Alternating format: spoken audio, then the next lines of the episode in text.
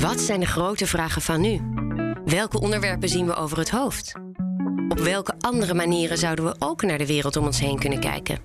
De opinieredactie van het Financiële Dagblad selecteerde acht prikkelende en mooie essays van vooraanstaande of juist opkomende denkers en schrijvers. Zij zoomen in op hedendaagse problemen en leggen uit hoe het anders kan en waarom dat nodig is. Deze essays kun je lezen op fd.nl/slash essays, maar je kunt ze ook beluisteren.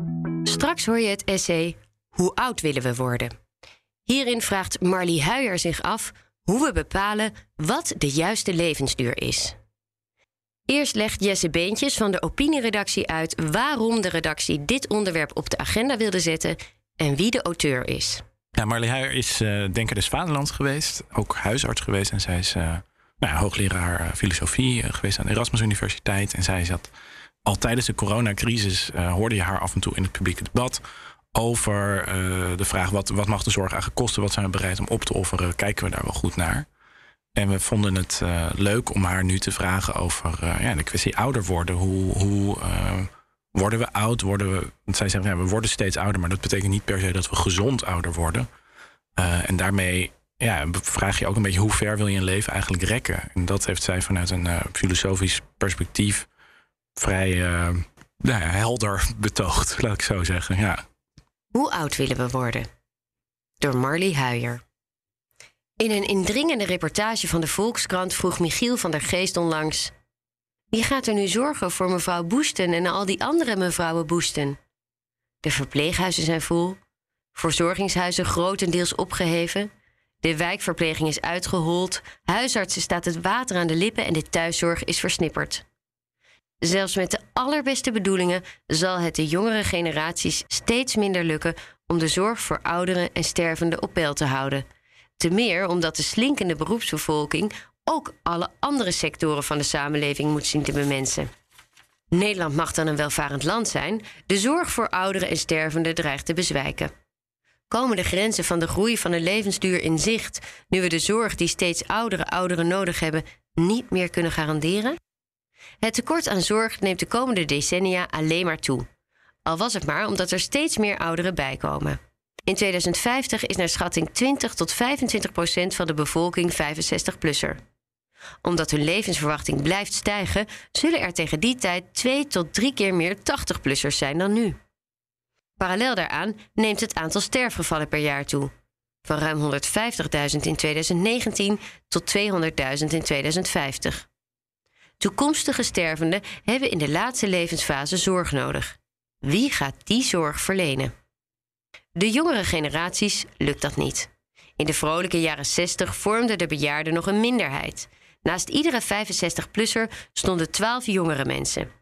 In 2050 zijn er van die 12 nog maar drie of vier over, inclusief kinderen.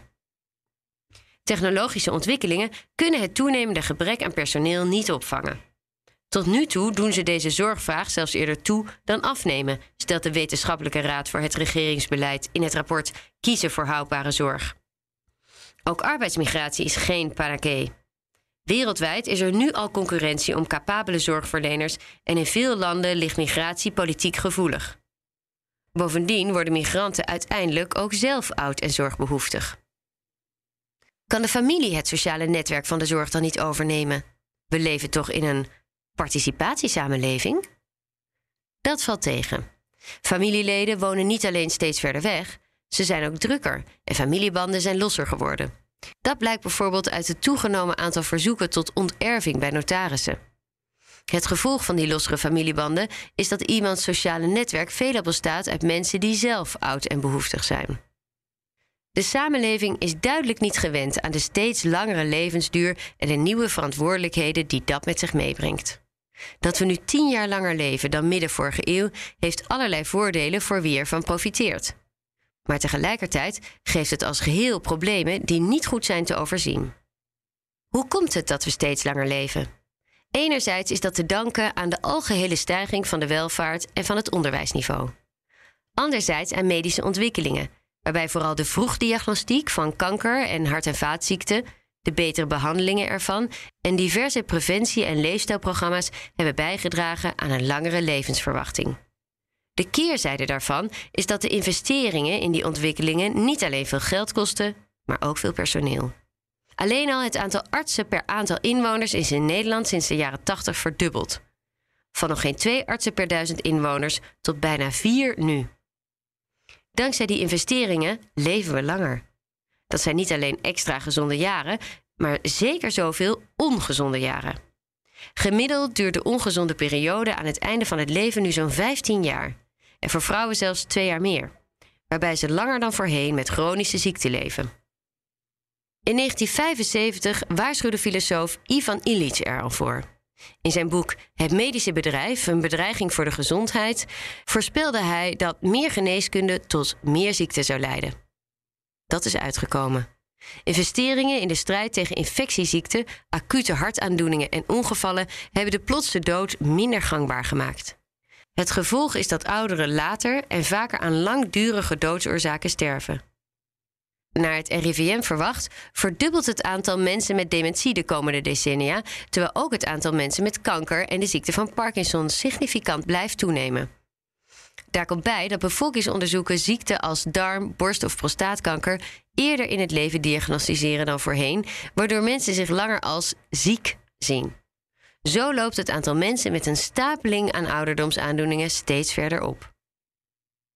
Ambitieuze artsen en wetenschappers die een wereld zonder Alzheimer, Parkinson of kanker beloven, vinden in dit uitdijende rijk van ziekte gretig gehoor. Al leert de geschiedenis dat die beloften zelden uitkomen. Niet alle ouderen zijn gelukkig met de langere levensduur die hen beschoren is. Met het stijgen der jaren ervaren velen dat ze minder betekenen voor anderen of de samenleving. Tweederde van de 80-plussers is eenzaam en menigeen heeft last van lichamelijke en mentale aftakeling of depressies. Bij enkelen gaat het gevoel dat het nu al klaar is zelfs zo ver dat ze een expliciete wens tot levensbeëindiging hebben. Kennelijk kun je ook te lang leven.